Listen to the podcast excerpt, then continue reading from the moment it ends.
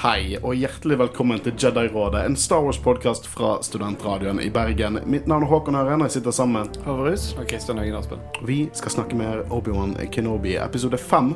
Det er ikke mange igjen nå. Én igjen. En igjen. Og jeg håper han varer over en time. Så en lytter tok og tagget oss på Twitter der det var leaks om at siste episode skal vare i en og en halv time.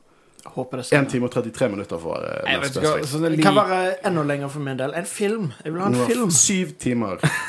altså En og en halv time hadde jo vært Det hadde vært awesome. Ja, men altså, det er ikke disse to og en halv time, sånn som i Stranger Things. Nei, må jo så legge det sammen Hæ? Ja, Å, siste ja, episode ja, serien i. Ja, men det, det, Den har ikke kommet ut ennå. Så volum to Å, ja. kommer ut i juli. Siste episode av sesong fire skal være to og en halv time lang. Men disse ryktene her, de stoler jeg ikke på. Det samme blomstret rykter f.eks. om den siste finalen. Hvor er Quillen Voss her? ja, det Nei. var, Jeg håper iallfall han varer lenger enn en time. ja, det gjør jeg òg. Goddammit, den bør faen meg vare lenger enn en time. Det er mye som gjenstår, føles det ut som. Men uh... Både og. For jeg Ja. føler egentlig denne episoden svarer de fleste spørsmål som er satt opp i serien hittil. Eh, men eh, vi skal ikke bare begynne på, på oversiden, da. Toppen av isberget. Vi kan se rett på DiCaprio sitt tryne og bare si hva vi mener om Obi-Wan Kenobi eh, chapter 5. Likte dere dette, gutter? Eller eh, hvor var dere? ja, jeg likte det veldig godt. Eh, fortsatt en del sånn små pirk her og der som jeg som Med tanke på regi og eh, et par enkle valg, rett og slett, eh, som eh, Det er litt lengre episode nå, så det gjør ikke like mye som forrige episode, men det er eh, Som jeg sa forrige uke, det er litt shaky Cam? ja, For fuck det. det, det er jo, men det er litt, det er litt shaky liksom TV, men Star Wars er nydelig. hadde det vært Hadde det vært en annen franchise, så hadde jeg ikke brydd meg, men siden det er Star Wars, så er det awesome.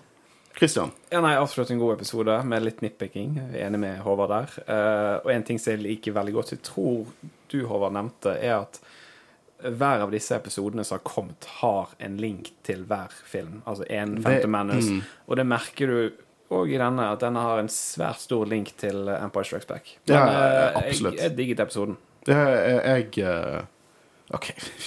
Jeg fuckings elsker TV-så. Liksom.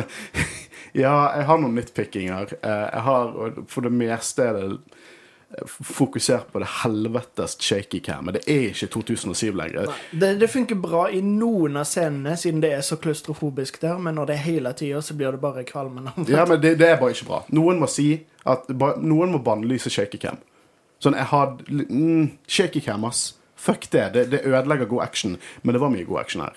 Eh, jeg synes at denne episoden brukte tiden sin bedre. Det føltes bedre pasa ut. Eh, forrige episode fire, eh, som jeg nå merker at uh, jeg pisser i motvinden på. Jeg virkelig for hatt.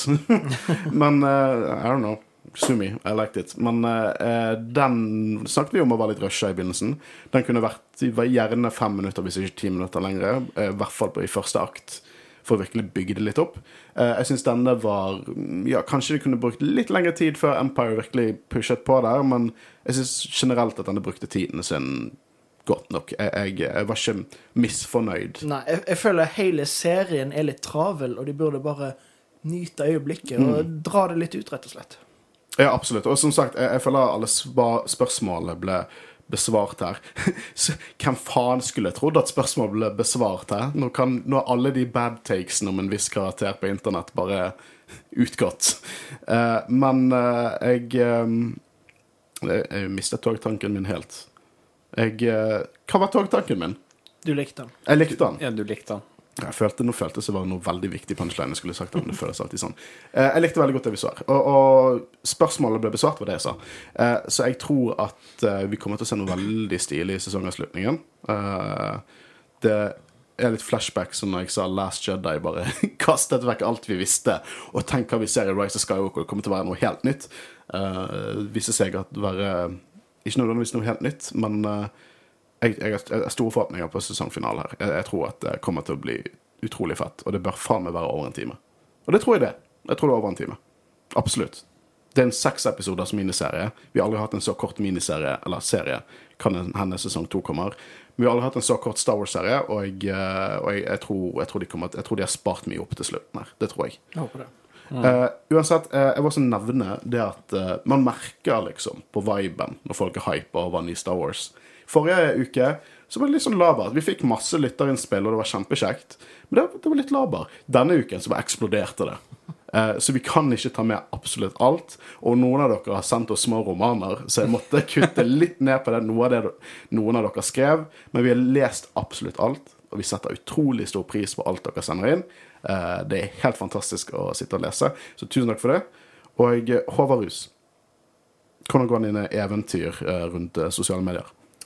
Jo, eh, som du sa, vi har lest eh, alt. Og eh, hvis dere vil at vi skal lese det dere skriver, så gjelder det egentlig bare om å sende inn ting. Følg oss og sånn på Instagram, Facebook og Twitter. Alltid gøy å se ting. Og du har jo et stort sånn prosjekt gående som ikke har helt tatt eh, vingene. Men Håvard Rus han skal, han skal introdusere oss til TikTok. Vi er gjeng med 30-åringer. TikTok høres ut som det er det helt nye farvann. Men Håvard har på seg at han skal, vi skal planlegge Jedi-rådet på TikTok. Og det kommer til å bli et shitshow. Jeg gleder meg. Uansett, vi skal hoppe inn i Obi-Wan Kenobi part 5.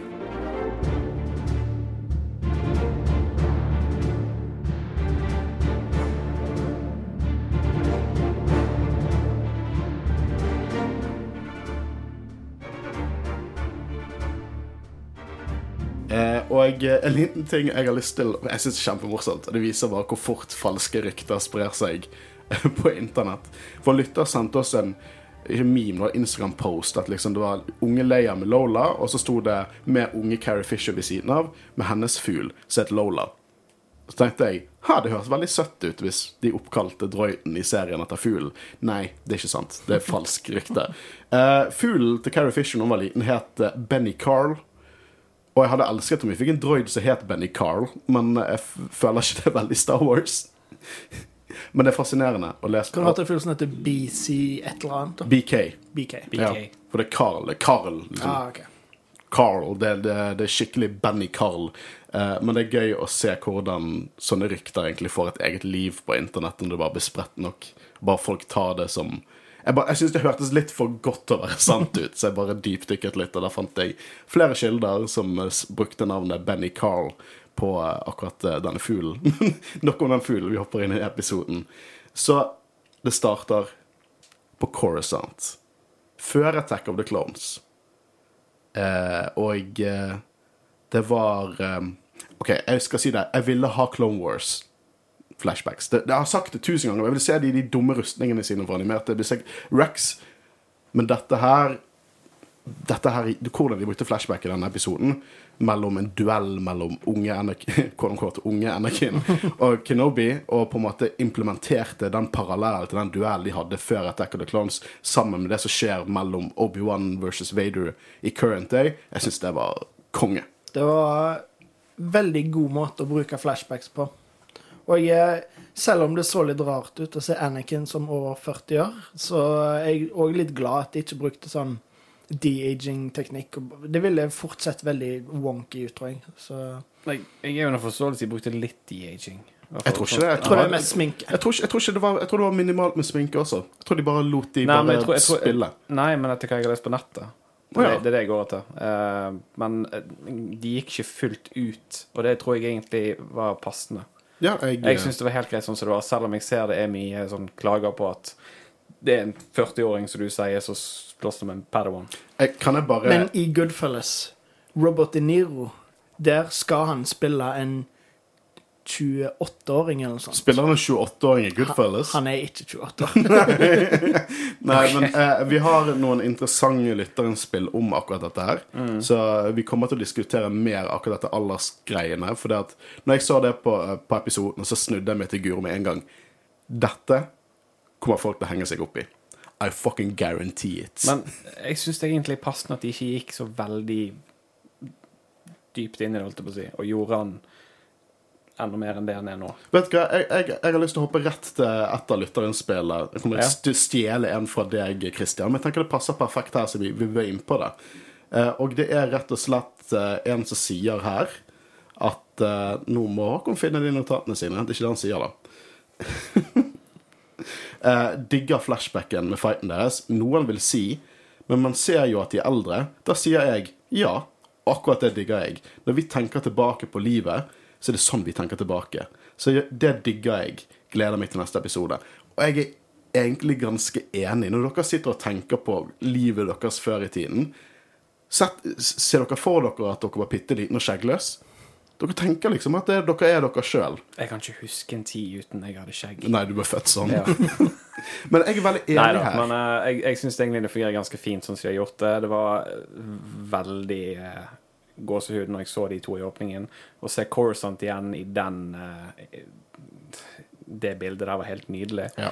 Um, Så det dumme også, håret deres dette er jo elsket også- Dette er jo forresten det samme stedet som vi ser i åpningen av episode Ja, det det, ja. med, Mm. med, med treningen av junglingsene Um, og det er vel ikke at de har brukt samme location. Ja, um, men jeg liker òg veldig godt det at de har Måten de hopper frem og tilbake til flashbacksene, med at du ser Vader, og så han overtaket. Når du ser Kenobi, så er det han som overtaket. Ja, Når de- han når- når de hopper- lurer han Når de hopper frem og tilbake. Nei, eh, nå snakker jeg om når de hopper til flashbacksene. Ja, ja, men det, det er fordi han på en måte klarer å, å bruke overmotet til Anakin Mm. mot han, litt sånn som han gjør mot Vader, og jeg synes at Ja, jeg skulle gjerne sett en full-blown Clone Wars-flashback, men jeg synes at de brukte flashback perfekt. Mm. Ja, for du- perfekt i denne episoden. Ja, for du ser at eh, når Anakin, har overtaket, så hopper du til Vader. Mm. Når Kenobi har overtaket, så hopper du til Kenobi. Jeg syns det er stilig. Jeg synes det er dritfett. Jeg, jeg, jeg, jeg synes at de brukte flashbacks Sånn, eh, Jeg synes de brukte det helt perfekt. Som, Som, som tjente historien. Det var, var, det var viktig at Anakin ikke var en Jedi Knight, at han var en Padawan. De gjorde poeng ut av at dette var når han var en Padawan, og hvorfor han måtte være en Padawan. Eh, jeg vil gjerne ha noe live action Clone Wars en gang, eh, men jeg synes at dette tjente historien eh, utrolig godt. Mm, også når du ser den duellen, når du tenker på den i en helhet, så du får mye sånn her eh, mimring til Mustafar-kampen Mm. i Range of the Sith. Og det er på en måte at du ser at det Kenobi prøver å lære Anakin der, er noe han ikke har lært. Mm. Men jeg må bare også si at jeg syns det er utrolig gøy å faktisk se Hayden Christensen. Fordi vi har jo sett han i veldig kraftig sminke i, i drakten og i drakten, liksom. Uh, men det å faktisk se han som en padawan og se Hayden Christensen, det var utrolig kjekt. Vet du hva jeg skulle likt å sett? Jeg skulle likt å sett innspillingen av den sekvensen. Og vi kommer ut og får, får det. Vel på uken etter hele serien er ute får vi sikkert en Disney Gallery. Ja. Og den gleder jeg meg til. Men um, Hayden Christensen så jo hele Clone Wars. så jo hele Clone Wars mens han researchet rollen. Um, dette her er sikkert bare hodet mitt som works in mysterious voice, men jeg bare følte jeg, bare, jeg følte litt Clone Wars Anakin. Noen Måten han sa enkelte lines, føltes litt Clone Wars Anakin. Det kan godt hende det bare er jeg som ønsker å se det, men jeg, bare, jeg vet ikke, jeg følte på det. Jeg gjorde det. Og, eh, og det er liksom Vader Det kutter til Vader etter denne første delen av flashbacket, der han er klart driver og tenker tilbake på det. Og eh, som min samboer Guro sa eh, etter episode tre av denne serien, at det er første gang hun virkelig føler på at Anakin er bak masken til Vader. At Vader og Anakin er samme person. Og jeg, jeg er enig. Denne serien gjør under, ikke bare for Kenobi, men også for Darth Vader. Og vet du hva det gjør? For det, uh, nye Disney-canon har behandlet Vader så jævlig bra. Uh, med den respekten den karakteren trenger og, og fortjener. Og de har behandlet Vader med noen av de beste historiene, tegneseriene og bøkene som finnes der ute av canon. Uh, og jeg, har alltid visst at Vader var den karakteren han er i tegneseriene. Jo, og Jedi Fallen Order viser glimt av han. Eh, denne serien viser det i live action, at han er den karakteren. Er Vader og slash Anakin Skywalker er min favorittkarakter i Star Wars. Og det er helt fantastisk å se denne serien. Eh, Jeg elsker det. Love it. Eh, men eh, Third Sister kommer på uh, Star Destroyeren til Vader og jeg skal rapportere etter han. Eh, jeg liker litt den flashbacken Eller det er en referanse, føler referanse til Return of the Jedi. Når uh, Dispense with the pleasantries. Er det det han sier? Han, bare, han, bare, han bryr seg ikke om civility. Han vil bare Hvor faen er Ken- Kenobi? Og da er de på vei til Jabim, og hun får tittelen som Grand Inquisitor. Eh, og får dette nye dette Inquisitor-badget, eller ikon, medaljen. Uh, og én ting som irriterer meg Elsker dette. Elsker at de er oppå der, det er fullt av Imperial-soldater som sitter nede i de der eh, rommene under de og ser opp mot de. Dritfett. Digger hele viben her. Kan jeg bare få se den Imperial Star Destroyeren? Kan jeg få se liksom full frontal view av Imperial Star Destroyer? Jeg, jeg, jeg, jeg, hvorfor kan ikke dere vise meg det? Det kunne umulig ha kostet så jævla mye mer å bare gi meg De har prøvd å spare så veldig mye penger til siste episoden. Ja, jeg begynner nesten å tro det. Kan vi, gå, inn på eh, litt det? Ja, men, bare, det Jeg tror ikke det hadde kostet de så mye å bare vise den. jeg, eh, jeg, jeg føler at Kenobi-serien jeg, jeg, synes at denne serien så langt har vært veldig konsis på kvalitet. Jeg har elsket det vi har fått. Men jeg har mer feeling at det er TV-show enn jeg hadde på Mando og Book of Boba Fett, der jeg følte at her kunne man byttet ut scener og vist det side om side med filmen og tenkt at ja, det er en film. Her tenker jeg litt oftere at det er et TV-show. Det føles nesten som det har litt lavere budsjett. Eh, Jeg lar det ikke plage meg, for jeg bare De har et budsjett. Men jeg vet ikke helt hva det er som gjør at hvorfor jeg føler det. Jeg tror mye av det er shaky cam, og eh, så langt har det ikke vært den eneste sånn, sånn klassisk Star Wars-wipe mellom scenene. Det er bare helt vanlig redigering, og eh, til og med Mandalorian hadde vel et par Ja da, jeg begynte nettopp på episode 1 og 2 av Mandalorian, og de har wipes til de grader. Eh, så, men det, alt har en, et budsjett. Sånn er det. Jeg bare um, tror dere det har noe med Ewan McGregor å gjøre. Den paychecken han skulle ha. Han var jo happy to do it. Ja, det, er liksom, det, er, det er en TV-serie. Det, har- det har et budsjett, og jeg eh, Jeg, jeg tror ikke det har veldig lavt budsjett, egentlig. For at Mando, når det kommer til Kenobi, en av de mest uh, kjære karakterene i Star Wars-universet, så tror jeg ikke de har spart på pengene i det hele tatt. Men det kan godt være at de sparer på mye av det siste episodet, for hvis viser seg at den er en en og en halv time, så er jo det en spillefilm. Ja, men det er litt sånn det, jeg, jeg reagerer liksom ikke på sånn settene eller noe sånt, og kostymene. Ser alt ser ut. tror det er mer redigeringen, og at noen av CJI-en ser litt wonky ut. Ja, kanskje. Men det, det, som sagt, det holder ikke meg våken. Det er liksom Det er en TV-serie, eh, og det er en dope-ass TV-serie. Det er jo sikkert et helt annet team, òg. det kan jo være at de er flinkere, de som jobber på Kan en eh, John Favreau sin liksom, eh, som showrunner Han vet jo hvordan man jobber med CGI, så han vet liksom det nitty-gritty, hvordan man på en måte lurer det til å se bedre ut. Kanskje. Jeg vet ikke. Who knows? Eh, men vi hopper videre, og vi får uh, bedre look på Jabim, egentlig. Jeg liker veldig godt looket her. Jeg har ingenting problem med de establishing shotene, at skipet som kommer inn og lander, og det ser ut som sånn nedgrubet helvete. Uh, jeg synes alt det ser dritstilig ut, uh, og vi får Haja tilbake. Som kommer med noen ganske gøye linjer. Han er nå wanted by the Empire, så nå vet han hvordan det er å være Jedi. Og det er ikke enkelt. Jeg liker den karakteren. Eh, Jeg syns han passer perfekt eh, inn, egentlig. Så hele poenget her er at eh, det er veldig mange folk som har ventet på et vindu med en gammel transportlinje for å komme seg vekk derifra. Så Obi-Wan og Leia må rett og slett vente, men så viser det seg at Empire dukker opp. De har hacket Lola med en restraining bolt. De kaller det en restraining bolt, men jeg vedder på at det er sikkert noe sånn droid-hacky ting som de ikke går inn på, som egentlig låser ned hele basen. Eh, en liten detalj jeg likte veldig godt der. Lola er jo veldig sånn en liten fugl som på en måte er veldig happy, flyter litt sånn gøyalt rundt. Med en gang hun er quote unquote imperial, så beveger hun seg veldig sånn som en eh, probe droid for Empire. Veldig presis, nesten litt skummelt. Jeg likte den lille detaljen. Uh, vi får flere eh, sånne der eh, innhugginger i veggen fra tidligere Jedi. Eh, Et sitat 'The light will fade, but, never, but is never forgotten'. Eh, det er flere som har oversatt mange av de som står der. Det er mange deep cut Legends-referanser. Så deep cut at eh, jeg ikke helt skjønner hvorfor. For det, er liksom ikke veldig populære Legends-fortellinger heller.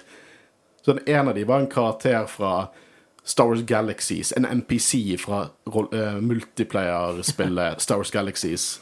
Det er jo tydelig da at de som Det er sikkert ikke Deborah Chow som har vært med, men at de som på en måte er med å lage settdesign og alt mulig sånn, at de er store fans av franchisen, og ikke bare det som er canon, men at de ville gi referanser til eh, sånne små ting òg. Så jeg liker det veldig godt. Ja, Deborah Shaw har liksom bare sagt 'go nuts' på veggen. ja og så tror jeg også um, han um, Pablo Hidalgo. Jeg tror han gir masse sånn Her er det passende å ta inn noen sånne referanser. Uh, men uh, en ting jeg synes er veldig kult For det, det vi har sett av Kenobi nå, er at han gradvis har funnet tilbake til seg sjøl. Han blir gradvis mer og mer Obi-Wan Kenobi. Han blir Jedi. Og de viser det estetiske serien med at han får en nytt plagg. Så Forrige gang fikk han de der eh, helt klart sånn Jedi underrobes. Nå tar han på seg en skikkelig Jedi-robe. Og jeg liker hvordan jo mer han mentalt blir tilbake til seg sjøl, jo mer begynner han faktisk å se ut som en Jedi. Eh, Jeg synes det er dritfett, og jeg er overbevist Det er jo ikke så veldig dyp analyse, men at denne serien handler om PTSD og mental helse. Om hvordan man håndterer det, rett og slett. For her har du tre karakterer som håndterer det på veldig forskjellig måte. Med Obi-Wan, Reva eh, og eh, Darth Vader.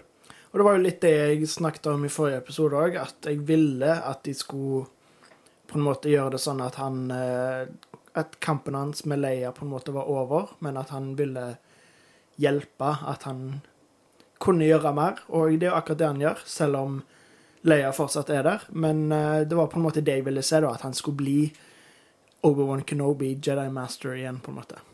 Og det er jo veldig det han blir når basen er på lockdown. Han på en måte sier til Roken at han skal gjøre det han kan for å hjelpe. Han står der og, og gir egentlig ordre at vi kan holde Empire, fordi Empire kommer en destroyer. Eh, Og holde en tale til folket, liksom. Han, han vet at folk er redd, og han vet at han er en Jedi, og han vil gjøre alt han kan, på en måte. Og det at han på en måte tar kontrollen, det liker jeg veldig godt. Ja, det er bare veldig General Kenobi. Han, han, han, han, er seg sjøl her. Han, eh, han har en plan. Han skal redde folket. Han skal basically hotgate The Empire inn i en trang korridor. Eh, han skal også bruke taktikker som er veldig Clone Wars Kenobi, der han ståler sånne ting som hadde blitt hadde vært en krigsforbrytelse hvis det var offisielt krig mellom Empire og The Path. Eh, nå er teknisk sett alt The Path gjør kriminelt, når man tenker over det. men, men han gjør litt sånn scheming, sant? Han skal, han skal ståle fienden Oi, jeg er så hypet at jeg slår til mikrofonen. Han skal ståle fienden, han skal passe på at de på en måte er opptatt, sånn at folket kan komme seg vekk og komme seg til trygghet. Det er liksom, det, det, det Obi-Wan som vi kjenner. Og det har vært så gøy å se han utvikle seg tilbake igjen til den karakteren. Og jeg, gleder meg til å se originaltrilogien igjen, for det at så samlet Ben Kenobi er i den film, i New Hope. Jeg bare føler at det gir, dette gir veldig mye, med, mye kontekst. Nå, nå tenker jeg sånn hvordan, hvordan hadde vi ikke Kenobi-serien tidligere? Når vi ser Obi-Wan i New Hope versus Revenge of the Sith. Jeg syns det, det er fantastisk. Um, de driver jo og, og eh, driver og barrikerer eh, hangaren der. Eh, KP1 Droid dukker opp, og dere spør meg hva er KP1 Droid? Jo, det er en droid som ble designet av en fan. Det var en droid building contest, så den har de faktisk nå laget som en av droidene. Det ser ut som en R2 på en sånn pære eller noe sånt, som eh, blir med og på en måte blokkerer den døren. Så det er veldig gøy hvordan Lucasfilm egentlig bare samhandler med fans på den måten. Jeg syns det er veldig gøy. Eh, det er litt sånn som i Force Awakens, der eh, eh, den rosa R2-droiden dukker opp, så jeg tror på en måte bygget liksom i samhandling med sånn støtte for barn med kreft. Jeg, bare- jeg syns sånt er veldig gøy. Og det blinken you misset, det er der, liksom.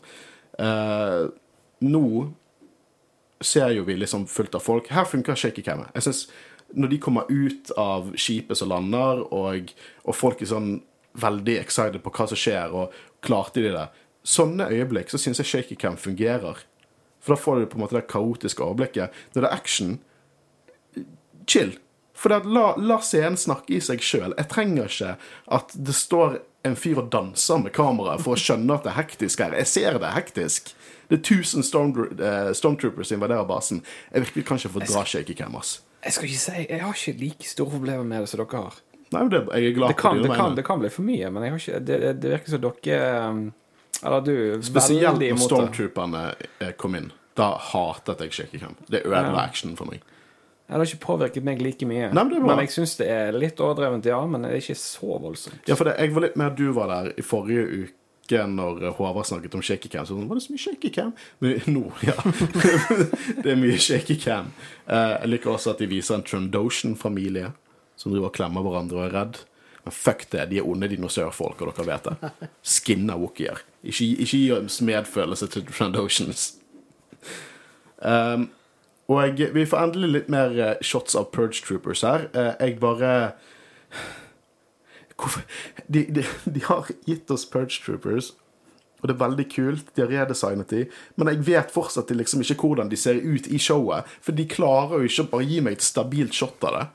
De, de klar, vet du hva, det er en sånn ting som irriterer meg, og jeg vet at jeg er ikke, det er ikke veldig vanlig kritikk. Men det er så mange ganger der, der de som lager Star Wars, bare ikke setter pris på trooper action. Gi meg noe trooper action! Liksom, jeg, vil, jeg vil se Purge Troopers gjøre badass shit. Jeg vil ikke at de bare skal være svarte Stormtroopers. Det, de er folk som er trent opp i Fortress Inquisitorius til å drepe Jedi. De, de trener det på hand-to-hand combat med våpen som er anti-lightsaber. Og så, de, og så dør de som vanlige Stormtroopers. Sånne ting irriterer meg litt. De gjør det. det Lite grann. Ingen kommentarer til dette? Bare vent, du. Snart får vi en originalserie bare om Purge Troopers. Det skjer aldri. Nei, jeg, jeg, jeg, skjønner hva du mener, og jeg er for så vidt enig med deg, men igjen, det er ikke noe som plager meg voldsomt. Jeg, jeg, jeg, jeg, er en enkel mann. Jeg liker Troopers. Ja, liker... det, det, det, skjønner jeg. Ja. Og jeg òg hadde syntes det var dritkult å sette i action. Men tenk litt sånn i Rogue One med Death Trooperne. Ja. Hvor kul er ikke action der? Eller bare scenene? Hvor jo. skumle er ikke de Death Trooperne der? Eller i Force Awakens med Traitor-momentet, der du merker bare sånn Shit, dette, dette er en annen Stormtrooper. Dette, dette er en Stormtrooper som er farlig. Formidabel. Og vi har ikke kommet i Rebels der. Der jeg elsker Dave Filoni. Lenge leve Dave Filoni. Dave Filoni, du skjønner ikke Death Troopers, og det ser vi i Rebels. Jeg har fortsatt ikke tilgitt deg for det. I Rebels er Death Troopers bare patetiske. Men jeg har mer om det når vi kommer dit i Rebels. Jeg mm. elsker denne episoden. Jeg vet ikke hvorfor jeg ble så negativ nå. nei, nei, men jeg, jeg skjønner godt uh, hva du Ja, jeg er med deg. Vi må, få flere, vi må få noen gjester som også setter pris på Troopers inn her, merker jeg. For de, de to bare ser på meg som jeg er gal. Det er jeg som tar crazy pills. Nei, ikke i det hele tatt. Det kunne òg vært en fin måte å extende episoden. Ja. Jeg har faktisk en liten sånn For vi kommer til en scene, eh, scene senere her der noen karakterer dør. Og da har jeg eh, skrevet eh, min sånn fan-moment om hvordan jeg ville endret på det. Men vi, vi kan ta det nok. Jeg er veldig hypet på det, men vi kan ta det når vi kommer dit. Uh, men uh, det har vært litt kritikk mot musikken spesielt i, i denne serien. Uh, det virker som at folk savner de klassiske prequel-tunesa, men hva, hva, har dere reagert på det? Ikke før, men det var litt noe i disse scenene når de Spesielt seinere, når de eh, faktisk kommer seg inn på basen. Eh, da synes jeg det var litt overveldende, på en måte. Det var -hmm. Det plagde meg ikke, men jeg bare tenkte at musikken var så høy, og Ja, de kunne gjort det litt annerledes. For min del, jeg husker når Rogue One kom ut. Og det var ganske big deal, for det var første Star Wars-film der ikke John Williams hadde laget musikken. Og jeg var veldig sånn OK, hvordan kommer musikken til å være? Jeg var livredd for at jeg kom til å ødelegge filmen min fordi det ikke var John Williams. Uh, og jeg forventet at det var mye sånn John Williams-musikk der, og det var ikke det så mye. Men jeg, uh, jeg, husker at jeg ikke likte musikken etter sånn første gang. Helt til at jeg elsker Imperial Suit fra den uh, filmen. Imperial Suit Når, når når Arild, han som laget musikken vår, i hvert fall noe av musikken vår, når han spurte hvilken musikk jeg ville han skulle ta inspirasjon fra når han lagde introjinglen vår, så sa jeg Imperial March og Imperial Suit eh, fra Rogue One.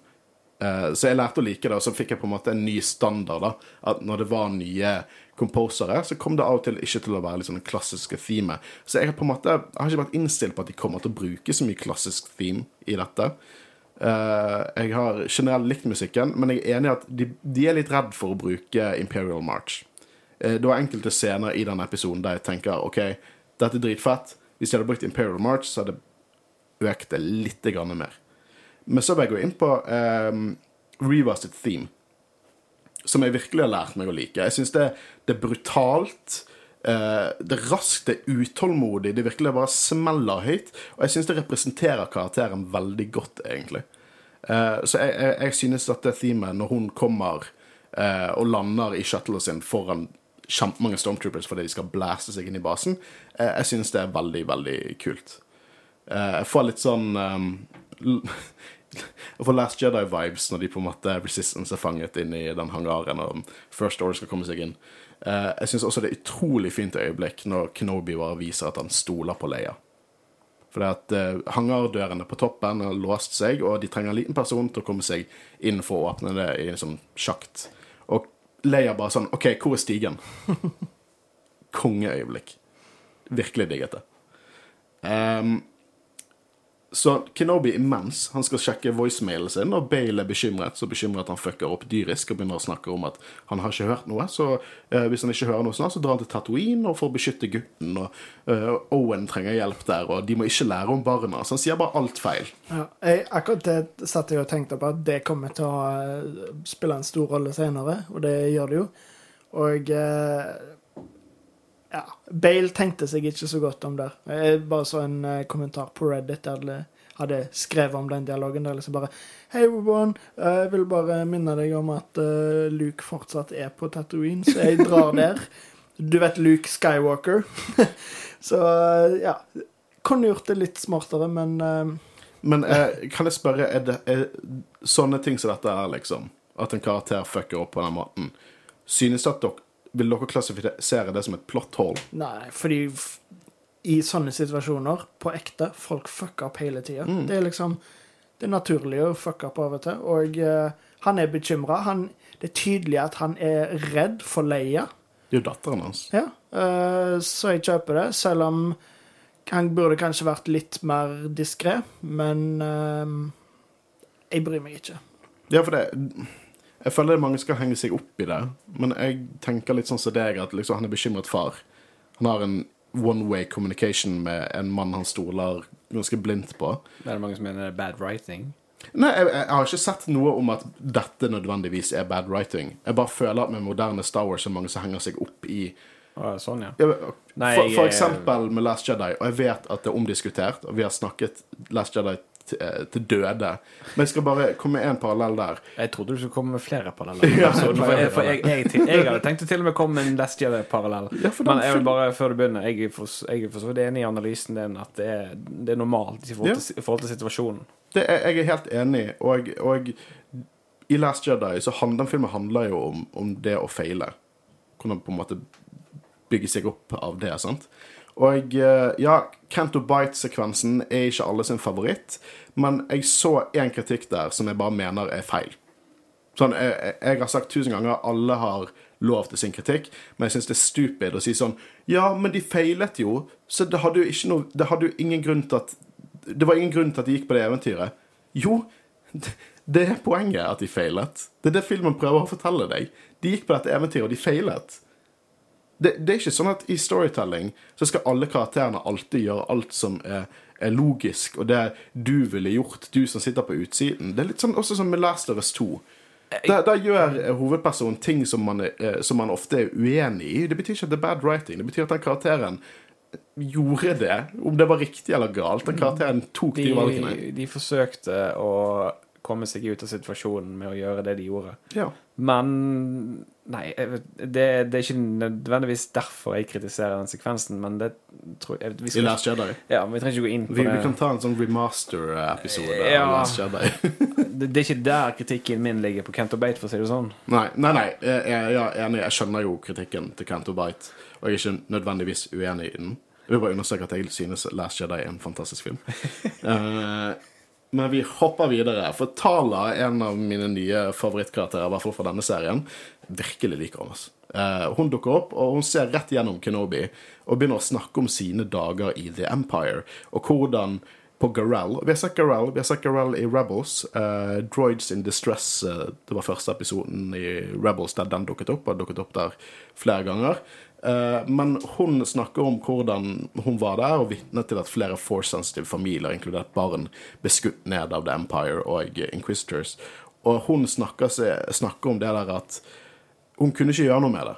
Men det hun kan gjøre med dette her, er at hun kan ta og jobbe for å redde flere og på en måte kjempe for det rette. Og hun, du ser at hun har hugget inn alle de hun klarer å få gjennom med The Path på holsteret sitt. Noe som, som oftest i film og popkultur betyr 'Å, jeg har drept så mange, for jeg er badass'. Men Tala hun har hooket inn alle hun har reddet.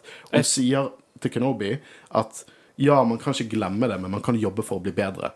Og det er så sykt. Det bare, det bare understreker den der eh, PTSD, mental helse-tematikken som denne serien virkelig fokuserer inn på. Og jeg tror det er det Kenobi trenger å høre. Jeg syns det er Dette var Jeg elsket denne sekvensen. Jeg syns den var helt nydelig. Du hører eksplosjon i bakgrunnen, bare sånn sakte, men sikkert.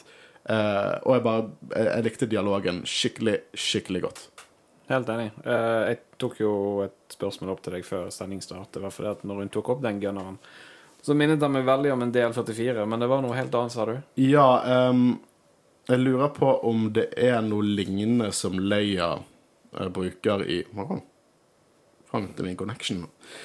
Ling- som Leia bruker i originaltrilogien, eh, spesielt i Uh, Return of the Jedi, bare at det var satt et sånn typisk Han Solo-sikte oppå. Et veldig uklart bilde. Uh, det ser ut som en sånn bere- Beretta-pistol med Greeblies på og en, eh, et sikte på toppen. Men det er litt sånn, Hvis du tar et sikte på toppen av en håndpistol, så blir det automatisk Han Solo-vibes. Men det er kult. Ja. Det er min headcanon nå.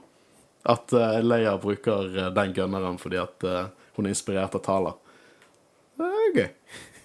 Uh, og uh, Kenobi har en plan. Og her sa jeg høyt Ah, the negotiator. Å, jeg hadde lyst til å si det. Men ja, det er Negotiator. Uh, og her skal Riva og Kenobi snakke sammen gjennom veggen. Jeg håpet egentlig de skulle finne seg en stol og ta en kopp te, som gjør i Clone Wars, men det er meg. Og det her, det er bare, er bare, det her er på en måte for litt sånn Clone Wars, Kenobi-vibes, hvor yeah. han skal ståle og ikke helt, ikke helt jobbe fair, men han har gode, gode grunner til hvorfor han ikke gjør det. Uh, jeg liker også veldig godt at Roken har en huge ass Wookie bowcaster som er altfor stor for ham. uh, men vi får vite Reva sine motivasjoner. Og dette her var jo noe vi egentlig forutså. Altså, Ja. vi, vi visste jo, men uh, det var jo en uh, litt mer reveal enn det vi på en måte trodde, men vi visste at det var Ja, eh, jeg synes at Har dere lyst til å forklare motivasjonen hennes? Jeg trenger ikke å forklare alt. Nei, eh, vi fikk jo bekreftet det vi på en måte har sagt, at det, hun var younglingen i første episoden. Uh, og uh, så Anakin i uh, under Order 66. som- Ikke bare så Anakin, hun ble stabba av Stabba, og hun spilte død. Ja. Og det er på en måte har hun både et grudge mot Wader Anakin, og det er vel egentlig det som har vært motivasjonen hennes, er vel egentlig å ta ut Wader Anakin. Mm. Det er vel, kan vi da ta vekk at hun ikke har vært motivert for å bli Granny Quister? Jeg tror hun har vil blitt Granny Quister. Men for, bare for å komme nærmere Anakin? bare for å komme nærmere Anakin slash Vader. Ja, så det som har vært motivasjonen. Det har ikke Ja vært å blitt det Men jeg syns også de er menig hvorfor hun hater Kenobi så mye også. Ja, Og jo det- at dette var din Padawan, hvorfor hjalp det oss ikke? Ja, Ja, jeg sant. liker òg veldig godt at hun er på en måte ikke redeemer. Det er ikke bare sånn 'Å, nå er jeg good guy, jeg skal hjelpe deg, Obi-Wan'. Men det er mer sånn at hun, hun bare vil ta hevn. Hun er sint. Hun er faktisk Jeg føler det bare styrker det at hun er dark side, fordi hun er sint på alt og alle og bare vil ha hevn og uh, bryr seg ikke om den kampen og alt mulig sånn. Um, så jeg håper at i siste episode ikke blir um, At hun ikke blir enda mer uh, good guy, da. At de fortsetter å bare ha henne sånn som hun er nå. Eh, Jeg så noen nevnte det i en annen podkast, var at eh, hadde likt en litt sånn Asage Ventress Hvis det skulle gå Redeemer-veien, så hadde jeg likt en sånn Asage Ventress-vei. Der hun ble ikke god. Hun, var, hun, ble en, hun ble en kaldblodig dusørjeger, men hun var ikke lenger liksom like bad. Hun kunne på en måte gjøre ting som ikke nødvendigvis var ondt, hvis de skal redeeme henne. Egentlig håper jeg uh, at hun dør. Jeg elsker karakteren. Jeg syns disse motivasjonene er dope. Det er så gode motivasjoner, og det gjør karakteren. Vi har sagt det før. Basert på hennes motivasjoner så vet vi om den karakteren er bra eller ikke. Det er en kjempegod karakter. Men jeg tror ikke hun hadde Altså, jeg tror Grudge er størst mot Anakin Ja, og. Vader. For at hvis hun hadde bare vært eh, truffet på Kenobi, jeg tror ikke hun hadde drept han. Hun, bare, hun vil bare bruke Kenobi til å komme til toppen for å komme nærmere Vader og ta, drepe han. Ja, og hun er, hun er klart rystet, klart Ja. traumer for dette. Og igjen dette med, med PTSD og mental helse viser liksom det at hun prøver å håndtere dette med hevn, liksom. Det er som Yoda i Empire Strikes Back, liksom. Hvis du går ned den veien for alt Eller er det Return of the Jedi han sier det? I hvert fall originaltologien. Han sier liksom hvis du går ned the dark side, så vil det alltid dominere skjebnen din. Og det er liksom det. Hun er dark side. Hun, hun Jeg syns dette er dritfett. Det er dritfett. Og mørkt.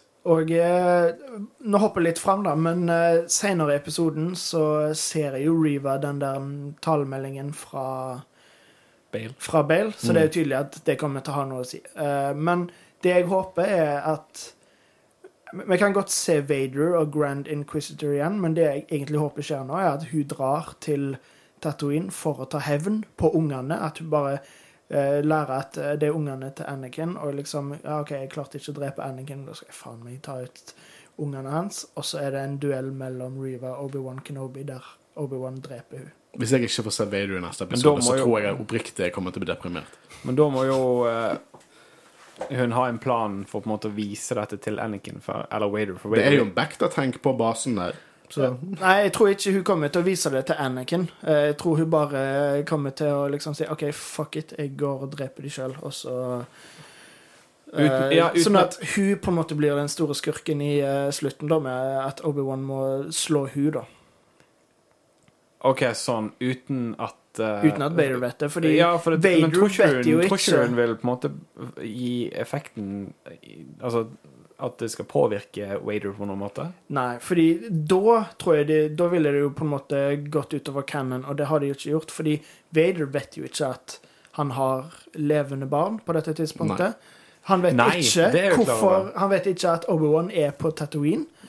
Um, Men det du på en måte sier da For det, det er jo selvfølgelig klart ja, det jeg sier, er at eh, Riva drar for å ta hevn på Anakin med å drepe ungene, og drar til Tatooine Ja, så- så hun- for å ta Luke. hun- Der kommer Obi-Wan og har en duell med Riva. jeg lurer på om Ja, så hun dreper ungene altså, Wader, eh, Hun dreper Luke, og hun er for, nok det er hun fornøyd med. Da har hun fått sin hevn, på en måte. Det er det du Men si. la oss tenke litt på hva som skjer. eh, Vi hopper der, det går fint. Obi-Wan kind of brukte hun her. Absolutt. Darth Vader sier så mye. At eh, han var, var klokt av han å bruke deg på den måten. Det kan re, eh, han, Hun kan føle nå et intenst hat mot Kenobi. Jeg vil ikke vel si at han, han brukte den, for at Jo, det var garantert brukt. Darth Vader sier jo sjøl at han brukte det. Ja, men det var garantert bruk. Han bare gitet out of there, og så fikk hun ræven sin kicket inn. Nei, men jeg tenker på Riva og Kenobi. Eh, For uh, jeg tror Kenobi ville at de skulle komme seg unna. Og det var jo på en måte det han forsøkte å forhandle fram med Riva. Med å servere Altså, hun kunne prøve å ta ut uh, waiter. Måten hun, han Så sa liksom jeg- jeg- I didn't, uh, You vil- didn't bring uh, me to him. I Jeg- brought him to Så jeg vet ikke helt hvor dere var akkurat nå, men med, det jeg mente, var at jeg tror ikke Kenobi lurte Riva. jeg tror han gjorde det. Jeg tror det. Ja. Okay. Han brukte henne i hvert fall.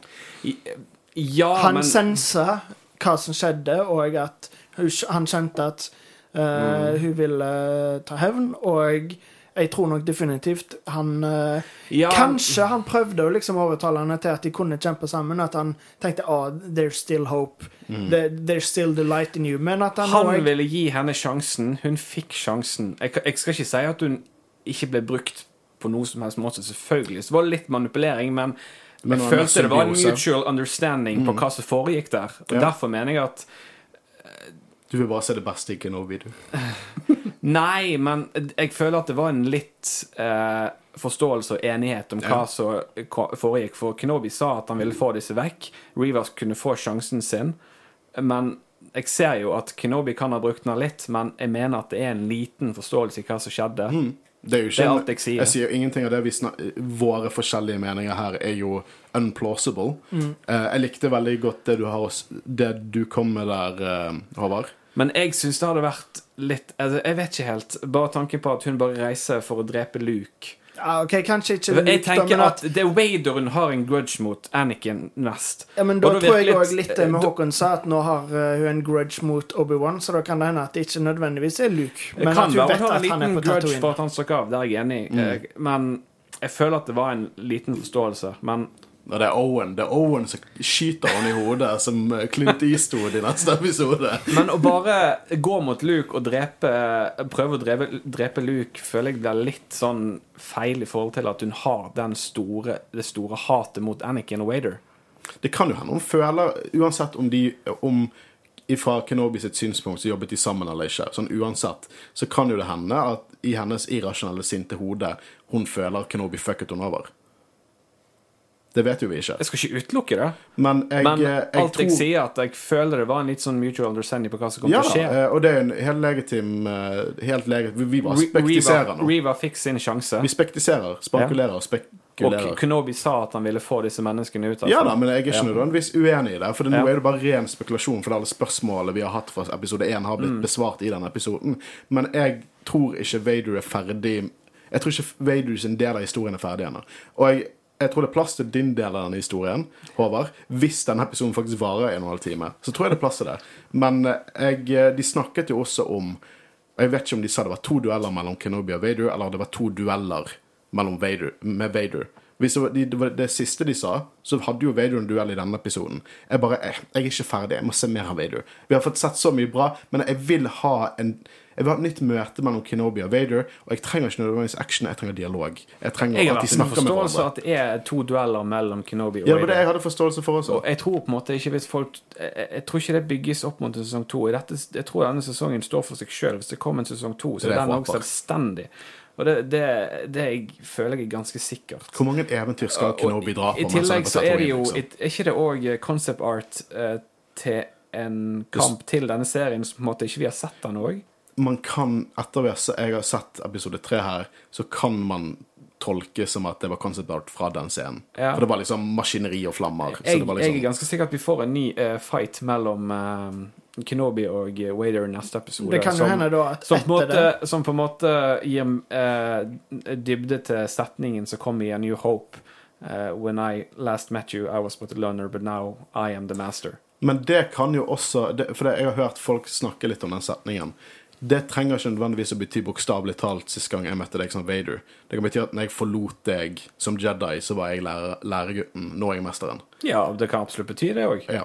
Og Men jeg tror, jeg, jeg tror at det har en den Hvis det viser seg å være en ny duell nå i neste episode, som jeg er ganske sikker på at det er, Mm. så kan det jo være òg at det er en effekt fra den setningen. ja. Men òg i de flashbackene vi fikk i denne episoden, så så du jo akkurat det på en måte òg. Og da måten det knytta seg opp til det som skjedde i denne episoden òg, så kan du jo tenke da at han var læregutten her, at han ble lurt. Men uh, jeg håper òg vi får én scene til med Obi-Wan og Vader, uh, og at Obi-Wan slipper unna når han kommer på Tatooine. Der er Riva.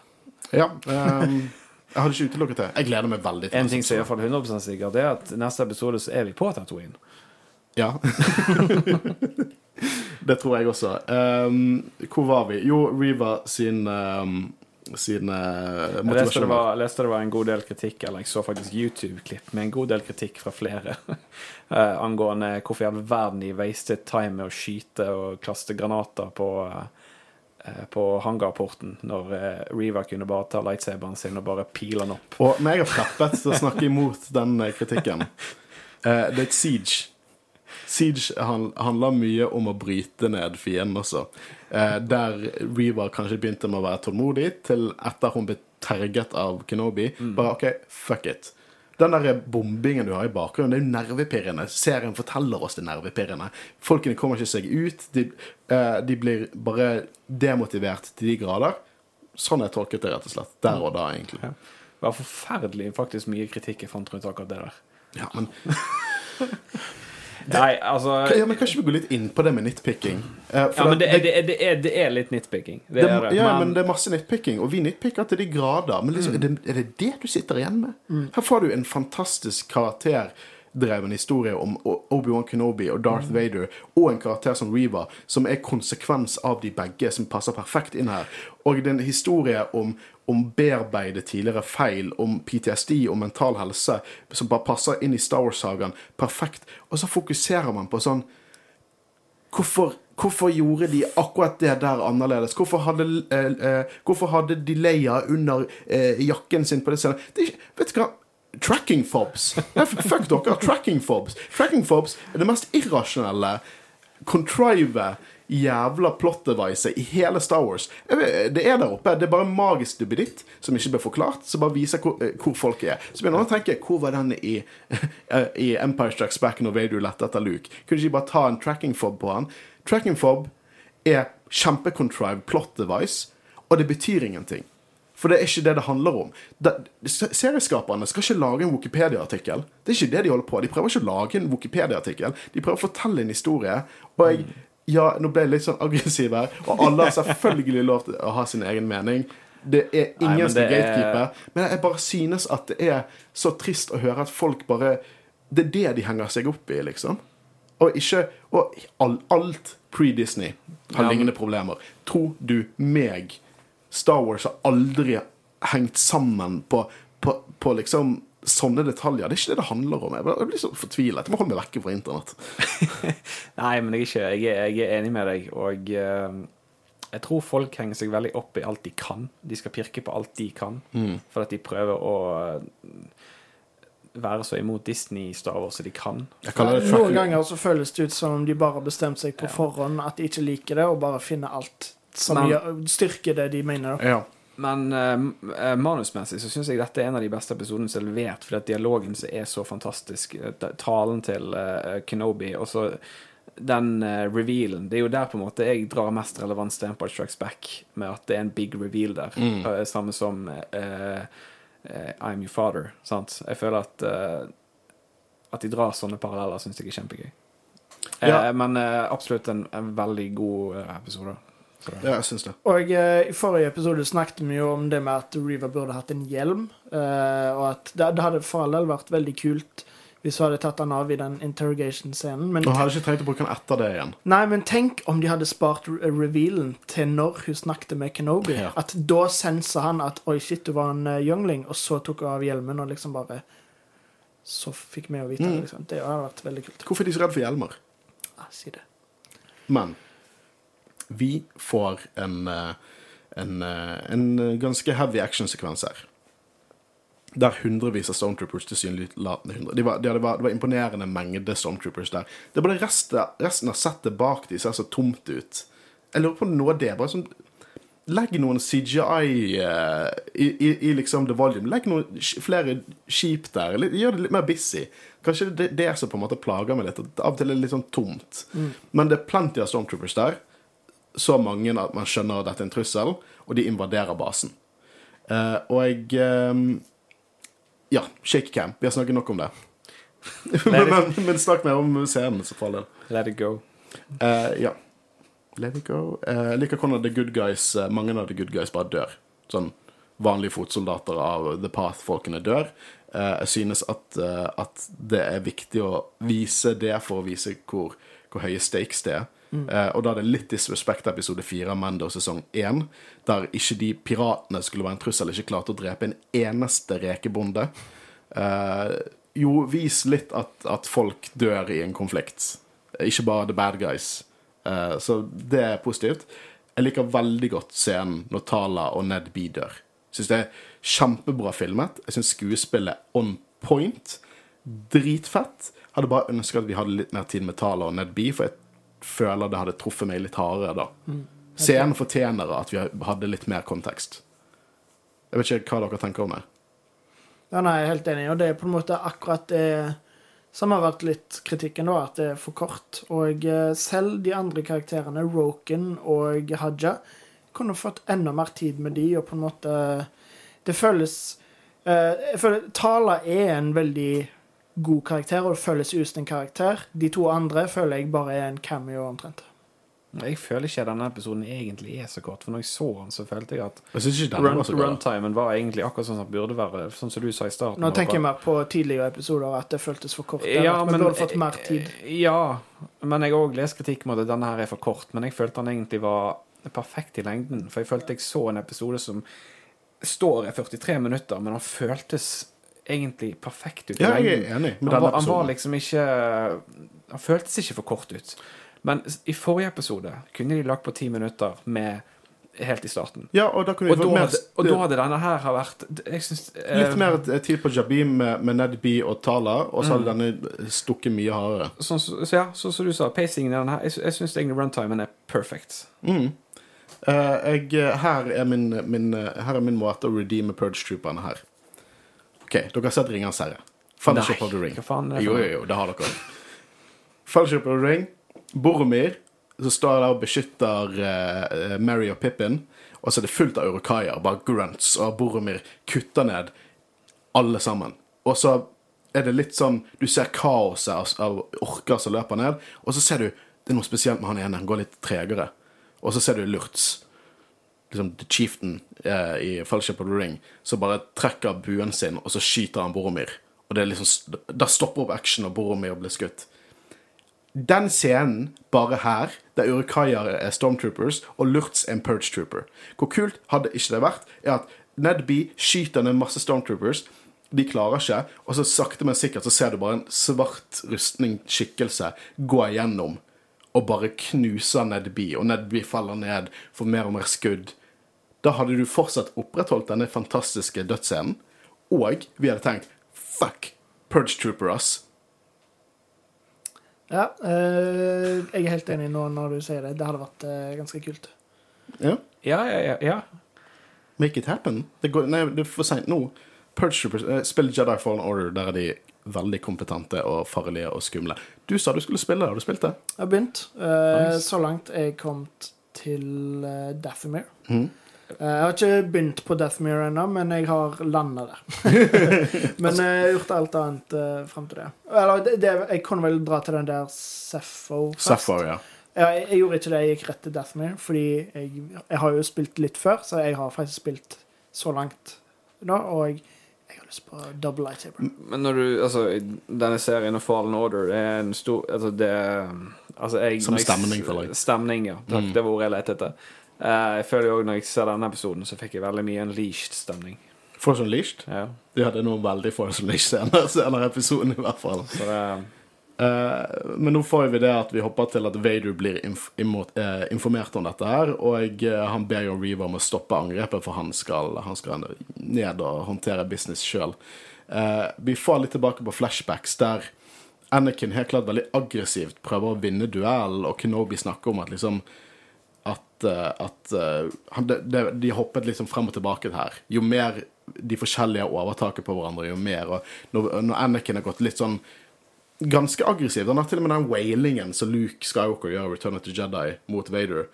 Eh, så bare sier du, du på en måte ditt, ditt behov for å vinne på en måte blender deg. Og, eh, og her er jo det at Anakin bare klarer å disarme Obi-Wan og sier du har mistet våpenet ditt, innrøm at du har tapt. Og da kutter jo det tilbake igjen til at Kenobi sier at det er over, og han må overgi seg. Og vi begynner å tenke det at kanskje Faen, er det over? Vel, de, de, de mistet nettopp noen av de, sine største soldater og ressurser, og det virker ganske lavt nede. Men han har en plan, så han gir lightsaberen og våpenet til Haja og ber han om å passe på Leia. Og uh, og voicemail, som er veldig dårlig gjort av han. Eh, og så sier han noe som er så jævlig Jedi at jeg har lyst til å bare spy på dere her. Noe som er There are other ways to fight. Og det er så, det er så Jedi. Det er så dope. Det er andre, det er andre måter å, å kjempe på. Dritfett. Og det er her han skal ut, og han skal, eh, han skal drive og, eh, og eh, lure seg fram. Veldig Clone Wars Obi-Wan. Og jeg syns det er dritfett. Jeg, jeg digger det. Nå, nå, på en måte skal, nå skal han lure seg ut av denne knipen og redde folkene. Jeg syns det er kjempekult. Det er gøy å se Jun McGregor spille bare peak Obi-Wan igjen. Dritfett. Jeg elsker karakterutviklingen. Jeg virkelig forguder dette showet. Jeg kunne ikke brydd meg mer om nitpicking og TV-budsjett og sånn. Storytellingen er ah, den gløder. Det viktige her. Det er det som gløder. Mm. De med den cozy, fussy Star Wars-følelsen og får meg til å glise som jeg er en idiot i halvtime til tre kvarter hver onsdag. Men vi kan vi, uh, Ja, storytellingen er virkelig fantastisk. Eh, men det. vi er jo her òg for å nitpicke litt, Håkon. Ja, ja, men det er gøy å nitpicke. Så lenge, litt. men jeg synes, sånn, jeg synes at selvfølgelig er det lov å nitpicke, og det er lov til å gi kritikk. Uh, men det må være litt sånn Man må begynne å tenke liksom Når du har på en måte sett ferdig en Star Wars, så må du tenke hva, hva er på en måte summen av det du har sett? Liksom, Skal du henge deg opp i at Nå er jo Solo av Star Wars Story ikke en film som vi tre forguder, men skal du henge deg opp i måten han fikk solo solonavnet i begynnelsen av filmen, og la det diktere kvaliteten på hele filmen? Nei, ikke det hele tatt. Nei, jeg syns ikke man skal det. Uh, det betyr ikke nødvendigvis at vi bare At vi påpeker det på Nei, nei. At de kunne kanskje gjort det på en annen måte. Det, vi, det har jo vi gjort siden uh, september 2019. Ja. Vi er flinke til å nitpicke. Jeg vet ikke helt. Jeg, når jeg så filmen igjen i fjor, var jeg faktisk ikke så Men det, jeg syns det er det som er litt gøy med, med Star Wars, for vi lagde jo vår liste, og det kan ha endret seg. Ja, jeg vil ikke nødvendigvis si at han er like dårlig som jeg- når jeg så den gangen før det. Det er jo ikke en dårlig film. Nei, det er jo ikke det i det hele tatt. Han gjorde det bare på Blu-ray Ja, det, det er liksom den uh... Ja, vi, vi, vi, vi får snakke om soloepisoden vår er der ute. Det er bare det at eh, våre følelser rundt Star Wars de utvikler seg. Sant? Nå er jo Mm. Ja. nesten folket genuint fått newfound respect for prequel-trilogien, liksom. Jeg tror vi alle kan si i denne serien her at vi digger alle episodene, men at vi fremdeles har litt småting å komme med. Ja da, jeg, jeg sier ikke at man skal blindt se på noe. Jeg bare tenker at man skal sette det i sånn Mm. perspektiv på liksom, la, Skal du la sånne små ting som helt klart ikke er viktig for storytellingen, påvirke For det, Det ikke derfor vi kaller det nitpicking. Jo, det er jo Det er småting Det heter nitpicking. Det, det er nitpicking for at det er egentlig ting du driter i, for det du ser, elsker du. Ja, det ah, jeg, jeg kunne ikke vært mer enig med deg. men det er bare ting du har bare lyst til å nevne, Mm. bare for å nevne det. Ja, jeg er helt enig. Og det, jeg bare føler det av og, til, av og til så er det å like noe et valg, og det er mye gøyere å like noe enn å hate på det. Spesielt når det gjelder Star Wars. Eh, men Kenobi face to face med Reva her og prøver å overtale, og det har vi egentlig snakket litt Vi har egentlig snakket om hele denne sekvensen. uh, så prøver å på en måte overtale Reva. Uh, han blir tatt inn igjen av Stormtroopers, garantert følger etter Reva sin plan der, føler jeg. Derfor hun sendte han inn igjen der. Han tar de ut. Og da får vi på en måte den flashbacken der at, at Anakin har disarmet Kenobi, og hans behov for å vinne blender han. Og da kommer Vader, og han skal bring him in uh, myself. Veldig sånn uh, når han ankommer Hoth i Empire Strikes Back og går gjennom basen. Veldig uh, slo, Det slo meg veldig, akkurat den sekvensen her. Og eh, imens ser vi at Lola angriper Leia. Jeg sa den lekedroiden var livsfarlig. Heldigvis brukte hun ikke motorsagen, men uh, så de tar Leia av den der uh, duppeditten, og uh, All is good. hun viser den røde switchen fordi hun har lommelykt på seg, og de klarer å åpne uh, døren. Og Haja mister selvfølgelig den hollow-tingen, så fucker opp dyrisk. Uh, men Vader går gjennom basen, og når han kommer inn der Oi! Når han kommer inn der og holder igjen skipet Å, fy flate faen. Eh, jeg lagde lyder som jeg ikke klarer å gjenskape her. Holdt igjen det skipet, dro det ned og rev det, rev det opp som det var paper maché. Dette, dette, dette, dette er Jedi Fallen Order Vader. Dette er Comic Vader. Dette er Unhinged, dritforbanna Vader. Å, det var så fett. Ja, det var en veldig, veldig awesome scene, og jeg viser virkelig Jeg holdt på å si ikke kraften, men uh, styrken til Wader, og hvor mektig han faktisk er. Ja, det er helt konge. Eh, det var en decoy, så de hadde skipet sitt bak der, så det fløy vekk.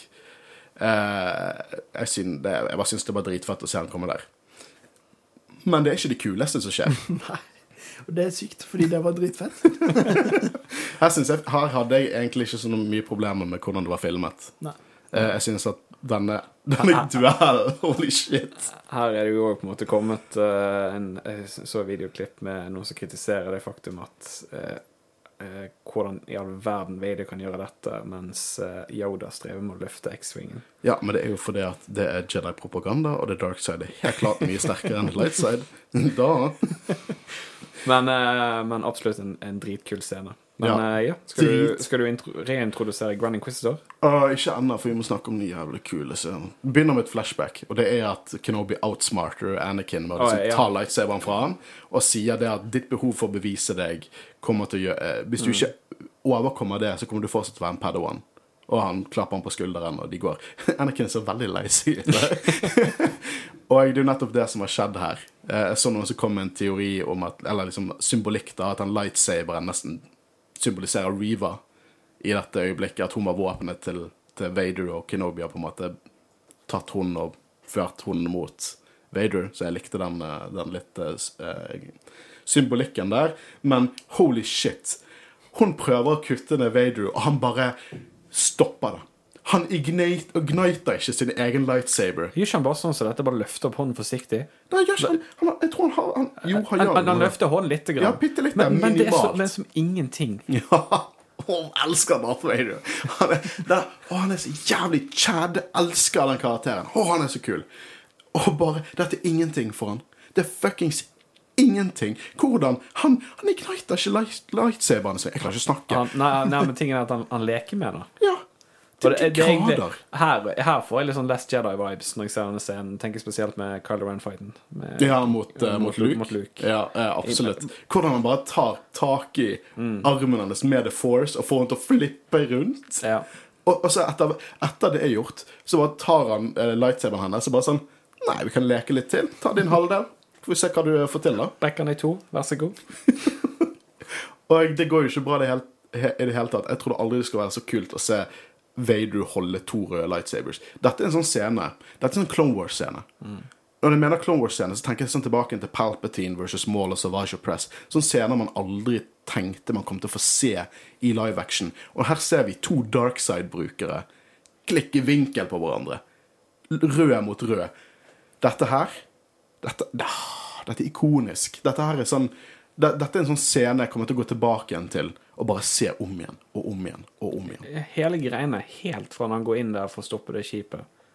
Ja, og det, Og den- det verste er at når det, når, det, når det på en måte Når det var ferdig eh, Jeg tenkte liksom OK, når, når på en måte eh, Kenobi kom seg vekk, så tenkte jeg OK, nå har det vel gått ca. så lang tid at episoden er ferdig, og så kommer noe av de kuleste fuckings dueller jeg har sett i mitt liv.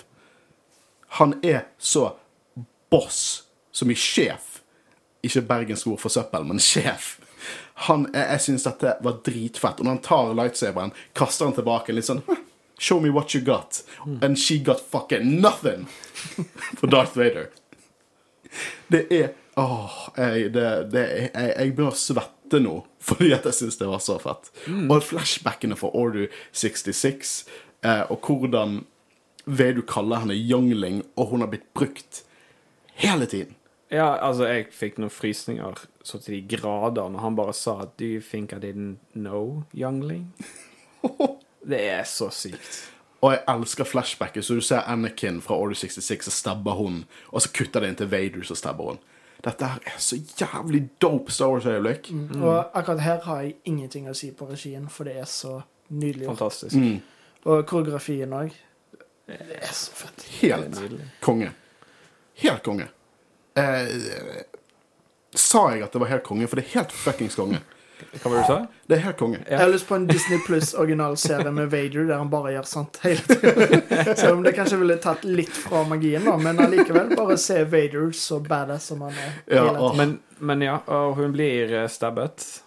Hun ble stabbet. Som, som òg har vært kritikk mot denne episoden. Men eh, du har gjort en del Nei, nei, research. vi venter, for det er en lytter som stilte det spørsmålet. Så ja, men da- da kan vi vente. jeg- Da kan vi heller- Jeg og Christian har hatt en dyp, dyp researchrunde på stab wounds i Star.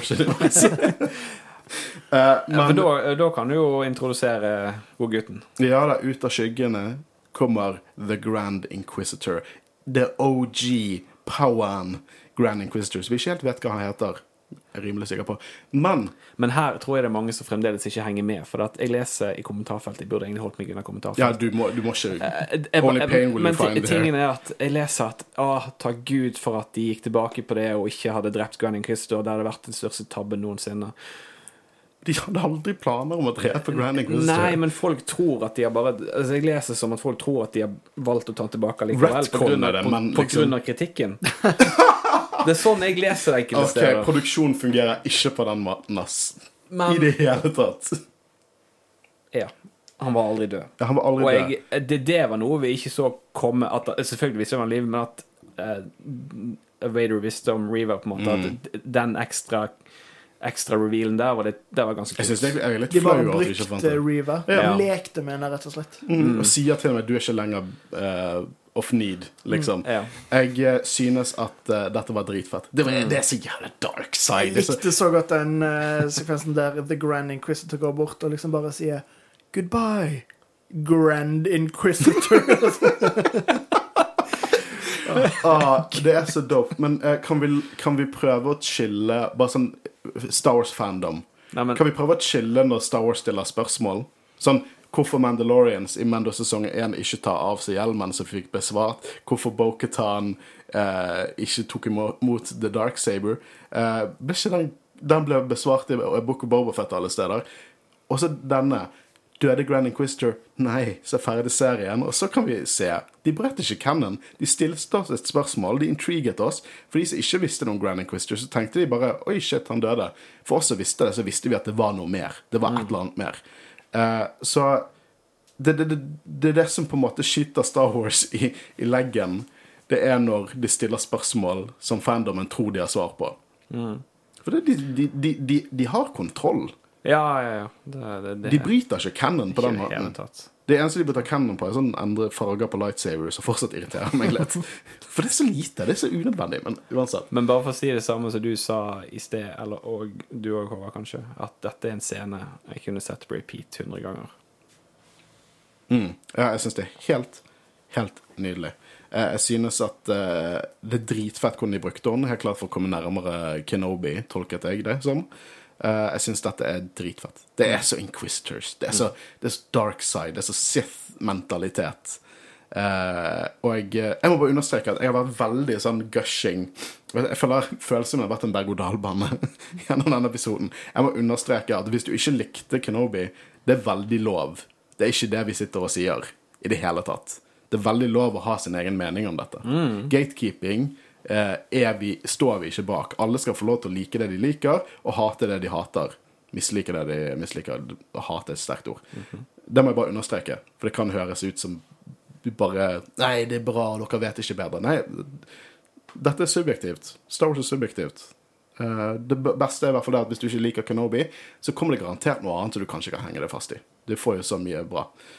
En ting jeg bare kom til å tenke på, datt inn i hodet på meg. Uh, I og med at vi ikke har sett det frem til nå, så har jeg veldig lyst til å se helikopter eh, neste episode. Jeg trodde et sekund at hun kom til å bare sånn whoop! Når hun begynte å spinne den lightsaberen, så begynte jeg å lure på om de kom til å gjøre det, men uh, nå tror jeg ikke vi får se det. Jeg har lyst til å se det, oppriktig. Jeg har lyst til å se helikopter-inquisters i live action, men ja. jeg tror ikke vi får se det. Helt enig. Men akkurat det du sa i sted, det vil jeg jo bare si. Alle har rett til sin egen mening. Absolutt. absolutt. 100% Men det er òg lurt å se ting ferdig før, Før du- en virkelig hater på ting. Enig. Eh, veldig enig. Eh, det siste scenen er jo det at eh, skipet til uh, The Path-folkene med Leia, Obi-Wan og Roken og hele gjengen, de har ingen hyperdrive. Og jeg liker veldig godt hvordan Roken kommer helt avslappet, ser det ut som, setter seg ved siden av Kenobi og så sier at uh, Forteller dette her, helt klar for at ingen skal få panikk. Jeg bare syns det var en nice touch. Det var veldig realistisk sånn hvis det der hadde skjedd. Det er eneste gangen i den serien jeg synes eh, Ice Cube Junior har faktisk spilt bra. Du, du har ikke likt skuespillet tidligere?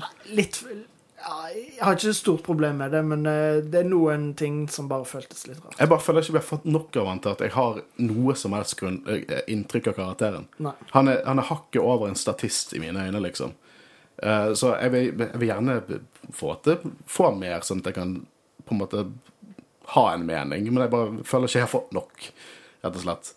Eh, men vi ser det at eh, Her var en liten feil, faktisk. Lightsaberen, hun går etter lightsaberen, den er ikke vedlagt. Kan, det kan jo være magneter. At liksom den Ja, for det var ikke en knekkelyd. Jeg vet da faen, jeg. Så at han bare fant tilbake. Men, eh, Men det er en sånn produksjonsfeil. Så jeg liksom det var, det, var, det var morsomt å se at den var bra. Det var helt, Det helt tenkte, jeg, det tenkte jeg ikke over før du sa det. faktisk. Det Det er var faktisk sant. Men eh, magnet, ja. ja sure. Magnet. Det er magnet. Ja, det er designet. Litt sånn, det er sånn build your own lightsaber. For før, kan før, før du nevnte Eller du nevnte det, så eh, hadde jeg glemt For jeg trodde han brakk han. Ja, jeg, så, jeg, har sett, jeg har sett episoden eh, sånn tre ganger på en ettermiddag. Eh, og det så ut som bare var at han bare tok den fra hverandre og ikke knakk den. Jeg vet da faen, jeg. Dette er så utrolig lite viktig, egentlig. Jeg, jeg, jeg tenkte ikke på det engang. Og uh, Riva ser Holocall-meldingen. Hun får med seg eh, Bale, barn på Tatooine og Owen. Og Kenobi senser noe ille. Avslutter med close-up av sovende, naive, ignorante lille Luke Skywalker på Tatooine. Og Du kunne ikke bare si en sovende gutt? Nei. Vi har, vi har, vi har møtt nå uh, Leia. Uh, igjen Luke. Hvis han er dum når han er 19, så kan han umulig være, være smart når han er 10. Det er bare det jeg har å si. jeg liker Luke Skywalker, jeg også. Jeg hater litt mye på han. Jeg, det er ikke meningen. Ja, Men kom an, Leia er et barnegeni. Luke sitter oppå et tak og later som en podracer-pilot, liksom. Der ser, du, der ser du paralleller. Men gutta, har vi noen liksom, oppsummerende tanker på hva vi syns om denne episoden? Nei, som eh, jeg sa i begynnelsen, jeg likte den veldig godt. Det er fortsatt et par eh, nitpicking her og der, men det er ikke noe som jeg bryr meg om. Jeg brydde meg mer om det i forrige episode, men denne her episoden, spesielt slutten, Back on track, liksom. var så awesome at jeg bare bryr meg ikke. er- jeg, jeg liker det utrolig godt. Mm. Christian? Ja, nei, helt enig. God pacing. Eh, perfekt runtime, syns jeg, og absolutt en god episode med en fantastisk avslutning. Ja, eh, jeg føler jeg har understreket med gushingen min rundt Vader-serien hva jeg synes om episoden. Men som sagt, ja, det er enkelte nitpics. Eh, noe for min del litt sånn kamerabruken og, og shaky cam. Men ellers så syns jeg dette var konge Star Wars-content. Dritfett. Eh, men vi har fått inn mye fra dere lyttere. Som sagt, veldig mye, så vi kan ikke ta alt. Og noen av dere har sendt veldig lange meldinger, så vi har redigert de litt ned. Eh, men vi hopper nå inn i det. Vi trenger å begynne med Håvard denne uken. Ja. Uh, her er det en som skriver Fått nok av Vader nå. Dæven så rått å se Vader i sin full prime kontrollere alt i en sverdkamp, kun med bruk av kraften. Litt grums er det slik som at hvor var det andre skipet, når Obi-Wan ville ha ett for å levere leie? Det var der. Det, Det var det. det. er faktisk i bakgrunnen. Men du som Jeg, jeg, jeg, så, jeg har sett den tre ganger nå, for jeg har fulgt litt med på det. Eh, men du som, eh, som, eh, som seer av dette, da du, du er dratt inn i scenen, og du ser dette skipet i forgrunnen, og du ser Vedu går med det, og du tenker 'Å, det er dette skipet'. Men det er der i bakgrunnen. De har plassert det der. Og hvem ofret seg som pilot for å lure Vader? Sikkert en droid eller noe. Ja, det vil jeg tro. Mange flere burde dødd mot stormtrooperne i skuddveksling i de smale gangene, og hvorfor ventet alle på utsiden av skipet, til og med med folk som bare eh, som på båre og gikk om bord først når hangarluken var åpen? Hvor- Hvordan slår Vader seg til ro med å ikke få tak i Obi-Wan, slik at han kan bli gammel på Tatooine? Med vennlig hilsen Christian. Jeg antar det ikke var deg. Nei, det, eh, det var ikke meg, men eh, veldig godt poeng. Eh, Hvorfor Ja, hvorfor gikk de ikke om bord i skipet i forkant, så de var klare til å dra? Um, det kan jo godt hende at de ville holde liksom optionene åpne, da. Så hvis de går inn på et skip som ikke kan gå, potensielt ikke kan gå noen steder for Men de har de noen jo steder å det. rømme? Det, det, Det det, det det, er jo det som er usikkert. Men det er liksom, jeg tenker Hvis de liksom ikke får opp den hangardøren, så er de jo bare inne i en blikkboks som kan sprenge lett, så Jeg skjønner i hvert fall at de vil vente til de vet at de faktisk kan stikke av. Ja, det tenker jeg også, egentlig. Ja, så lenge de har en annen rømningsvei. I det- det- utgangspunktet det det, så får du sånn- inntrykk av episoden av at Empire Empire ikke er interessert i fanger. Nei, det er sant. Uh, men jeg bare tenker at det er liksom en sånn lose-lose-situasjon, liksom. Uh, vi, får, vi har strevd med å få opp disse dørene. Vi får de faen meg ikke opp. Alt vi har, er en liten jente oppi en sjakt ikke en dritt. Veldig smart på- jente. Uh, hæ? Veldig smart jente. Veldig smart jente, men det vet jo egentlig bare Kenobi. Roken er jo litt sånn Dette er ikke Playtime Princess.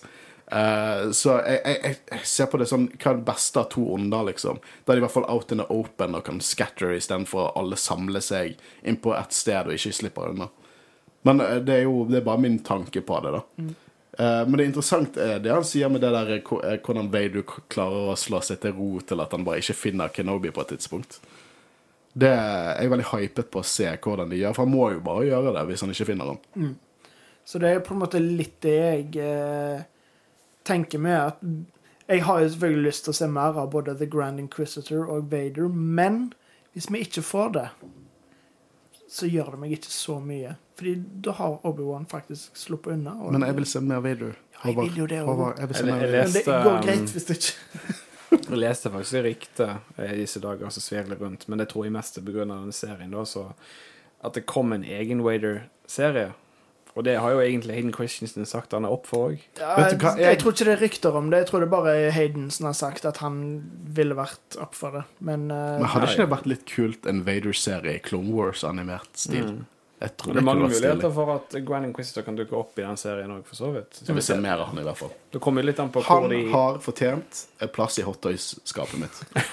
Ja, for det at eh, de kan jo basere det på tegneseriene. Mm. Så det at uh... Det har ikke de gjort før. da Så jeg, lurer, jeg ser ikke at de plutselig gjør det, for de har hatt veldig sånn at alt skal på en måte Ja. henge sammen. Du skal ikke adaptere noe som allerede er i canon. mm, Men du har nok helt rett i at det er han som på en måte har satt brann på de ryktene. Som, akkurat så Samuel. Jackson som du kommer tilbake igjen. Nei, men en Vader-serie hadde ikke takket nei til det. Jeg vet ikke om vi trenger det, for å være helt ærlig. Det er veldig mye Vader-content, men eh, jeg hadde absolutt vært der og sett på det til døde, liksom. Det Absolutt. Eh, neste kommentar, da. Nå snakker vi. Denne var ternekast fem av seks. Digger så å si alt med den. Eneste som drar ned, er at Hayden tydelig var 40 og ikke 17 i flashback, og at jeg ikke følte shaky cam-effektene eh, og CGI da Vader holdt igjen skipet, var så bra. Følte også da Grand Inquisitor kom inn på slutten, at han bare oset Empire helt uten like. Han føltes mer Imperial ut enn The Empire selv. Mildt sagt dritfornøyd med episoden og spent på slutten. Digget også avklaringen på Riva og, se, og hva de gjør med karakteren. Ja, jeg, eh, vi har jo snakket litt om der aldersgreiene, så det er ikke så vits at vi går inn på det, men ja, Granny Quister, Pompøs, britisk jævel bare kommer inn der og mustache twirling. Elsket det. Jeg syns det var helt fantastisk. Eh, dessverre så tok en god kompis av meg og, og spoilet meg eh, om at han kom til å dukke opp i denne serien. eh, denne episoden. Han antok at jeg hadde sett episoden. Eh, så eh, du vet hvem du er. Du får ikke lov til å diskutere Star Wars med meg på onsdager lenger. Men eh, ja, jeg elsket hva de gjorde med Reva, elsket hva de gjorde med Grand Inquisitor. Jeg syns det var eh, utrolig bra gjort. Christian, har ikke du noen lyttere som du, du har også lyst til å lese opp? Jo, absolutt. Uh, Dødsscenen til Tala er første gang jeg virkelig har blitt rørt i live action Star Wars. Fantastisk scene, og det er jeg helt enig i. Ja, det var uh, ingenting å si på, på den scenen. Jeg synes det var Når uh, Ned B bare falt ned, og hodet på en måte hvilte opp av skuldrene til Tala hun, Vi snakket jo ikke om det, hun ofret jo seg sjøl med en thermal detonator og sa 'May the force be with you'. Så jeg syns det var en fantastisk uh, Fantastisk scene. Ja, og jeg er helt enig i at det var utrolig bra. Og på en måte det eneste som Det du nevnte, det hadde ikke gjort noe for dødsscenen. Det hadde egentlig bare gjort noe med de Purge Trooperne og gjort de bedre. Men fordi den dødsscenen var utrolig bra og rørende. Ja, jeg er enig. Uh, jeg, eh, jeg sier som Håkon pleier å si. Jeg elsker Star Wars! Det står i capeslock. Jeg måtte gi litt, innlevelse. Det var derfor jeg sånn stoppet litt i starten. Bare litt uh, mye kameri... Kameraristing. kameraristing. Ellers helt konge. Uh, det basically oppsummerer mine følelser til denne episoden. Hvem er det, forresten? Nei, jeg skal ikke si det. Uh, jeg likte ikke The Terror Sister i starten. Nå gir karakteren mening, og digger den. Ja, og det er det, det er det vi på en måte snakket om, da. Når vi får vite motivasjonene, vi ville ha motivasjon, og vi fikk det, så bare det er bare det siste puslebiter i om det er en karakter som fungerer eller ikke. Og for min del så fungerer Riva skikkelig bra. Eneste negative jeg har å si, er at hun trenger en hjelm. jeg, vil, jeg vil ha en cool Inquisitor-hjelm. Og nå kommer vi inn på debatten The vi cheesy one. Ja. Uh, en ting jeg lurer på, er hvordan lyssabelen kan ha så forskjellig virkning. Nå har både uh, Riva og Granny Christopher overlevd, men Quaigon døde jo av samme utfall. Har det noe med darkside-brukere som kan overleve mer? Uh, så jeg og, og Christian uh, Altså, kan jeg bare Min tanke rundt dette her, som på en måte jeg kan kjøpe uten å gå mer i analyse på det, er at det er mål, på en måte.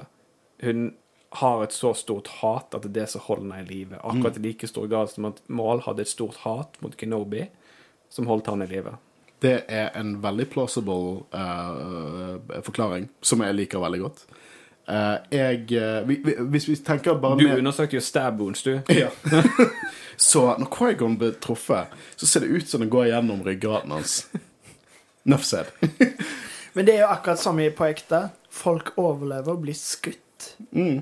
Det er folk som er blitt skutt i hodet uten å ha dødd. Det er Ja. liksom alt, Det trenger ikke være så mye Det, det er egentlig tankene mine om det. Det er absolutt det som er tankene mine om det. Men vi, vi, vi kan gå litt dypere i det, bare, bare for for it. Så eh, Quagon Quaigon så det ut som at den lightsaveren gikk gjennom ryggraden hans. Den er liksom midt i brystet, midt gjennom. Jeg skal være Riva, helt ærlig, Når det kommer til de tingene der, så kjøper jeg heller min analyse. Det har jeg kjøper også liksom. Men uh, Reva, hun ble stukket litt på siden. Og uh, Powans, som eh, The Grand Inquisitor er, eh, de har to mager. Som jeg lærte av Christian. Ja. ja. men poenget er der Darkside-bruker kan være en faktor, og det kan være ren tilfeldighet, for sånt skjer i IRL også, liksom. Folk kan bli skadet på lignende steder og, og overleve. Og det er ikke sant Dette er en, en skade som forekommer hele tiden i Star Wars, der alle dør, bortsett fra, eh, fra The Grand Inquisitor og, og eh, Reva. Så det er litt sånn Nei, men tenk eh, et lyssverd. Ikke bare blir hun stabbet, men å ha et lysverd gjennom seg, det må jo ha fatale Sånn etter eh, Altså De, de er jo glohett, eller Ja, men tenk da, det er bare Det er så varmt at det smelter, sånn at uh, du ikke Ja, men eh, blør innvendig, sånn at det faktisk The Cauterizer, så Ja. liksom. Det gjør det. Du så det skjedde med Darth Tyrannus i Revenge of the Sith. Really? Ja, så du ikke det? Han er jo helt svidd. Det er to pork chops stubs. Ja, eh, ja, nei, det, det, det, var, det, var ikke, var ikke det jeg hadde med. Men liksom Jeg føler at det må det, det blir stabbet av en lysverd må ha en slags effekt på kroppen, for det må jo brenne seg på helvete. Ja, men eh, det er jo vanskelig å si, da. Vi får se om de, de slipper noen sånn der uh, doktor eh, in the universe. Uh. Jeg personlig står fast på at dette er Wars, og jeg tenker at det er hatet som holder meg i live. Mm. Hva tenker du? Jeg er sånn 40 det du sier, og så 60 det Håvard sier. Hva er det som er nesten i midten? Hva var det Håvard sa? Sånt skjer. Folk overlever lignende skader Oh, ja, IRL, skjer. liksom. Det er liksom OK, greit. Um, uh, digger flashbacken med fighten deres. Ja, den, den dekket vi faktisk i sted, midt i, i Ja, men sendingen. jeg har bare fire stykker at jeg har lyst til å lese. Nei, det er bare tull. Jeg- jeg hadde bare to. Var to lange, da. To lange. Nei, det går fint. Eh, leste vi den i starten? Ja, vi leste den når vi begynte på oh, ja, ja, flashbacken. stemmer. Ja, nei, nei, det er selvfølgelig. Det Jeg fint. hopper inn uh, på min, og disse er redigert De lange er litt redigert ned. Og så noen er på en måte ute. For det er ikke alt Jeg vil bare gi en sånn heads up Uh, som vi gjerne vil ha. For vi, det var veldig mange som elsket denne episoden. Eh, og så var det noen som synes at det var litt med, og så var det noen som, eh, som synes at, eh, at det, det var skuffende. Og jeg, det var sånn 90% som elsket det. Men jeg vil understreke at det har vært forskjellige meninger her. Vi tar ikke bare de som på en måte samsvarer med våre. Men hvis dere, sender, hvis dere ikke liker noe, så gjerne forklar oss hvorfor, for da kan vi gjøre mer med det på sendingen og diskutere litt rundt det. Så eh, vi tar gjerne imot alle forskjellige meninger rundt det vi snakker om. Eh, Og ikke bare meninger, spørsmål òg. ja, absolutt. Vi hopper inn igjen nå. Um, Halla, episode fem, var enormt bra. Etter min mening litt dodgy filming og producing, noe serien generelt bærer litt preg av, i min mening. Eh, men alt det er bare nitpicking.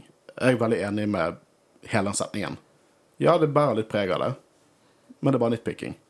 Eh, jeg bare syns det, det, det, bare, det bare tilsvarer Jeg føler det tilsvarer litt med det vi føler også. Uh, synes de nailer Darth Vader som karakter i denne episoden. Han er akkurat så sterk som vi kjenner han i store deler av canon, men som vi egentlig aldri har sett i film. Og det er det som gjorde at jeg syns det var så jævlig dope. For jeg vet, jeg vet Vader har dette inni seg. Jeg vet at han har muligheten til å gjøre dette. Og det var så jævlig gøy å se han i live action. Vet meg, canon junkie, men når du ser det i live action, så på en måte det understreker litt at det er canon. Skjønner dere hva jeg mener? Det bare, Ja, det bare absolutt. knytter det sammen. Jeg syns det er dritfett. Uh, fighten mellom Reaver uh, og scenen hvor han river i stykker skipet, gir meg gåsehud. For ikke snakke om at vi endelig fikk se flashback. Gleder meg enormt til finalen. Um, hva synes, jeg, jeg tror ikke jeg spurte dere. Hva synes dere generelt om flashback vi fikk?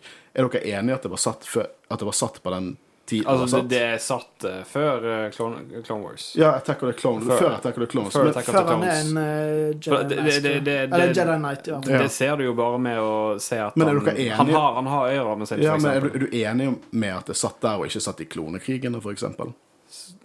Ja. Ja, for jeg synes at det, det passer historien mer, selv om jeg har veldig lyst til å se en Clone Wars flashback, så passer det historien mer at han ikke er en Jedi Ja, Knight. sånn, ja. Mm. At han har noe å lære, liksom. Ja. ja. Nei, det satt før. Uh, her var det en uh, som uh, var litt mer lunken på episoden. Den hadde absolutt vært bedre hvis den var ti minutter lengre, men det er jo veldig kult å endelig se noen flashbacks, selv om Anakin så altfor gammel ut til å være Padawan. Jeg likte også at selv om Reaver ikke ble 100 redeemet Jeg likte også at selv om Reaver ikke ble 100% redeemet, fikk vi vite at hun ikke var så ond som vi trodde. Um, ja, jeg digget jo hvordan hun på en måte ikke blir 100 redeemet. Og når jeg, når jeg tenker tilbake igjen til, til uh, tidligere episoder For Obi-Wan trigret jo hun litt ved å si sånn Skal du la Veidu gjøre mot disse barna det han gjorde mot deg? Og jeg husker dere episode tre, når Veidu bare går ned den veien og dreper uskyldige. Da, da flinsjer på en måte Reva. Og jeg tenkte fordi at hun er, hun, er, hun er utålmodig fordi hun har lyst til å finne Kenobi. Nei, hun er disgusted av det som skjer. Hun vitner jo til noe helt likt hun, hun selv var utsatt for. Så gjør bare, jeg gleder meg til å se hele serien på nytt igjen fra episode 1 til 6 og bare se alle de små tingene. Det, det er god storytelling. Ja, det er små nitpicking, det er bitte små Du kan kalle det plot holes med, med ting, men storyen i seg sjøl syns jeg er veldig gjennomført. Og det, det, det den skal fokusere på, det som er viktigst, det er der.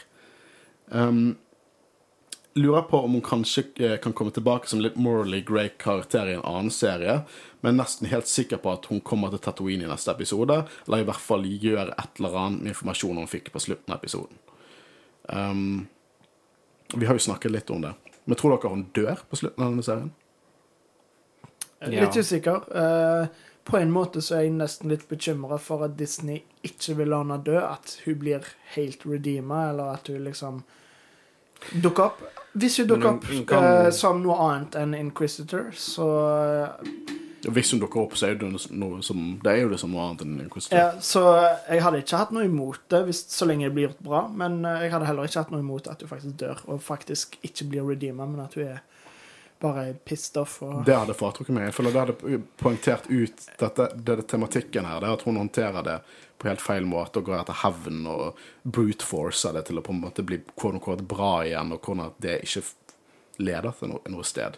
Der, og, og Vader som er stuck i det. Han er stuck i traumene sine. Han, sla, han slipper ikke taket på det, og hvordan han bearbeider det helt feil, og hvordan Obi-Wan virkelig kjemper for å bli bedre, liksom, og hjelpe de som trenger hjelp, og på en måte bevise til seg sjøl at han kan være bedre, og hvordan det er på en måte den sunne måten å gjøre det på. Så jeg eh, Som tematisk sett til hva serien prøver å fortelle, ut ifra sånn jeg tolker det, så syns jeg det hadde vært passende at hun døde. Men uh, Jeg ser for meg at faktisk hun dør i neste episode, men hvis de gjør det bra og hun overlever, så ja Hun kan jo fremdeles dø og bli redeemet.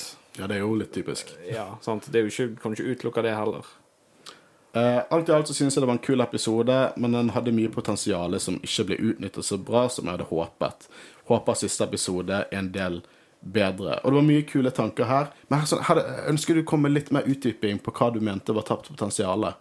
Um, for det, det, det er veldig interessant, for det er ofte dere lyttere kommer med tanker som vi rett og slett ikke har tenkt over. Uh, Så det hadde vært veldig interessant å, uh, å på en måte få litt sånn utdyping, da, hvis det er noe dere ikke liker. For uh, Folk er veldig flinke til å utdype på det som de syns er positivt. Og det er jo, synes jo jeg er veldig positivt og kjekt, egentlig. Men det er jo interessant å høre hva er det som ikke fungerer, hvorfor fungerer ikke det for deg, osv. osv. Um, det var nok eh, det dere lyttere hadde å si. I hvert fall de vi har valgt ut. Men igjen, vi har lest alle sammen, og vi setter pris på absolutt alt dere sender inn. Neste uke er det finale. Så vi er ferdig med Knobi for denne gang. Jeg er sykt hypet. Denne uken kommer til å være så jævlig lang. Ja, nei, jeg er mer fokusert på at uh, jeg reiser på søndag, så Ja, så det blir litt, uh, litt uh, mix-sending neste gang. Ikke du i studio, uh, men du joiner oss eh, via magien til internettet. Live fra hotellet i Aten. Ja, men eh, det blir bra. Eh, vi kommer nok til å Der kommer vi nok dessverre ikke til å gå like grundig gjennom det vi pleier å gjøre, for vi må nesten spille inn ganske kjapt da. I hvert fall det samme dag, hvis jeg ikke tar helt feil. Men uh, uansett, vi skal prøve å lage det beste vi kan. Og jeg tror dette kommer til å bli kjempebra. Jeg og Christian hadde en sånn uh, testesession med Zoom. For det at før i tiden så var Zoom dritt på, på lyd over internett. Men nå har de muligheten til å ta opp høykvalitetsaudio, og det hørtes i hvert fall veldig bra ut. Så uh, det blir Jedi-rådet med sesongfinalen neste uke også. Og så skal vi selvfølgelig ha en episode der vi oppsummerer hele serien. Og går litt gjennom inntrykkene vi har når vi ser det i en helhet. og og analysere litt og dypdykke i, i canon og law. Så det blir gøy. Mm. Uansett, mitt navn er Håkon, og jeg har sittet sammen med Avrus. Og Kristian Øyen Aspen. Og vi har vært, og er alltid, Jedi-rådet. Ha det bra. Ha det bra.